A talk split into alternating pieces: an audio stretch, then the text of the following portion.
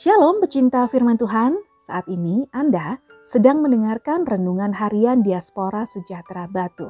Pembacaan Alkitab hari ini diambil dari Kitab Keluaran pasal 28 ayat 31 sampai 38. Haruslah kau buat gamis baju efod dari kain ungu tua seluruhnya.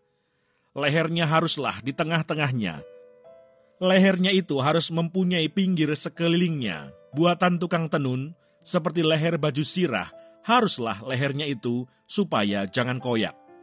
Pada ujung gamis itu haruslah kau buat buah delima dari kain ungu tua, kain ungu muda dan kain kirmisi pada sekeliling ujung gamis itu dan di antaranya berselang-seling giring-giring emas, sehingga satu giring-giring emas dan satu buah delima selalu berselang-seling pada ujung gamis itu. Haruslah gamis itu dipakai Harun apabila ia menyelenggarakan kebaktian, dan bunyinya harus kedengaran apabila ia masuk ke dalam tempat kudus di hadapan Tuhan, dan apabila ia keluar pula supaya ia jangan mati. Juga haruslah engkau membuat patam dari emas murni, dan pada patam itu kau ukirkanlah, diukirkan seperti meterai, kudus bagi Tuhan haruslah patam itu engkau beri bertali ungu tua, dan haruslah itu dilekatkan pada serban di sebelah depan serban itu. Patam itu haruslah ada pada dahi Harun, dan Harun harus menanggung akibat kesalahan terhadap segala yang dikuduskan oleh orang Israel, yakni terhadap segala persembahan kudusnya. Maka haruslah patam itu tetap ada pada dahinya, sehingga Tuhan berkenan akan mereka. Ayat mas hari ini dari kitab keluaran 28 ayat 38. Patam itu haruslah ada pada dahi Harun, dan Harun harus menanggung akibat kesalahan terhadap segala yang dikuduskan oleh orang Israel, yakni terhadap segala persembahan kudusnya. Maka haruslah patam itu tetap ada pada dahinya sehingga Tuhan berkenan akan mereka.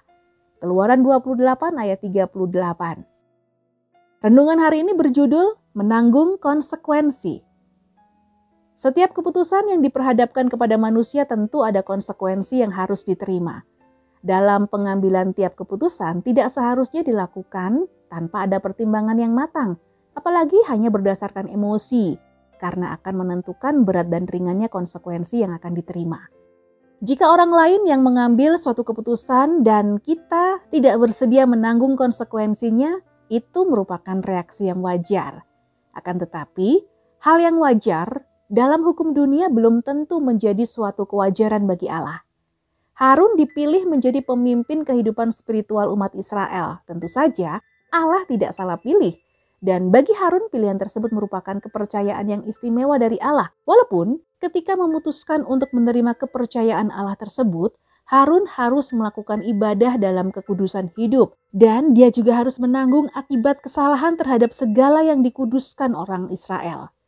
Melalui kehidupan dan pemilihan seorang Harun, kita dapat belajar bahwa pada saat mengambil keputusan untuk melayani Tuhan, tidak seharusnya berpikiran akan memperoleh kehidupan yang nyaman, kekayaan dunia, kehormatan, atau kehidupan tanpa masalah. Pikiran yang demikian tidak selaras dengan Allah.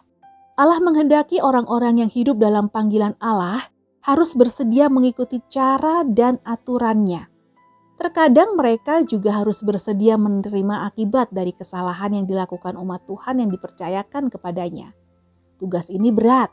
Secara manusia terkadang terasa tidak adil dan dapat melukai hati. Tetapi jika Tuhan yang menghendaki, semuanya itu akan menyenangkan hati Tuhan. Sekalipun dagingku dan hatiku habis lenyap, gunung batuku dan bagianku tetaplah Allah selama-lamanya. Mazmur 73 ayat 26. Tuhan Yesus memberkati.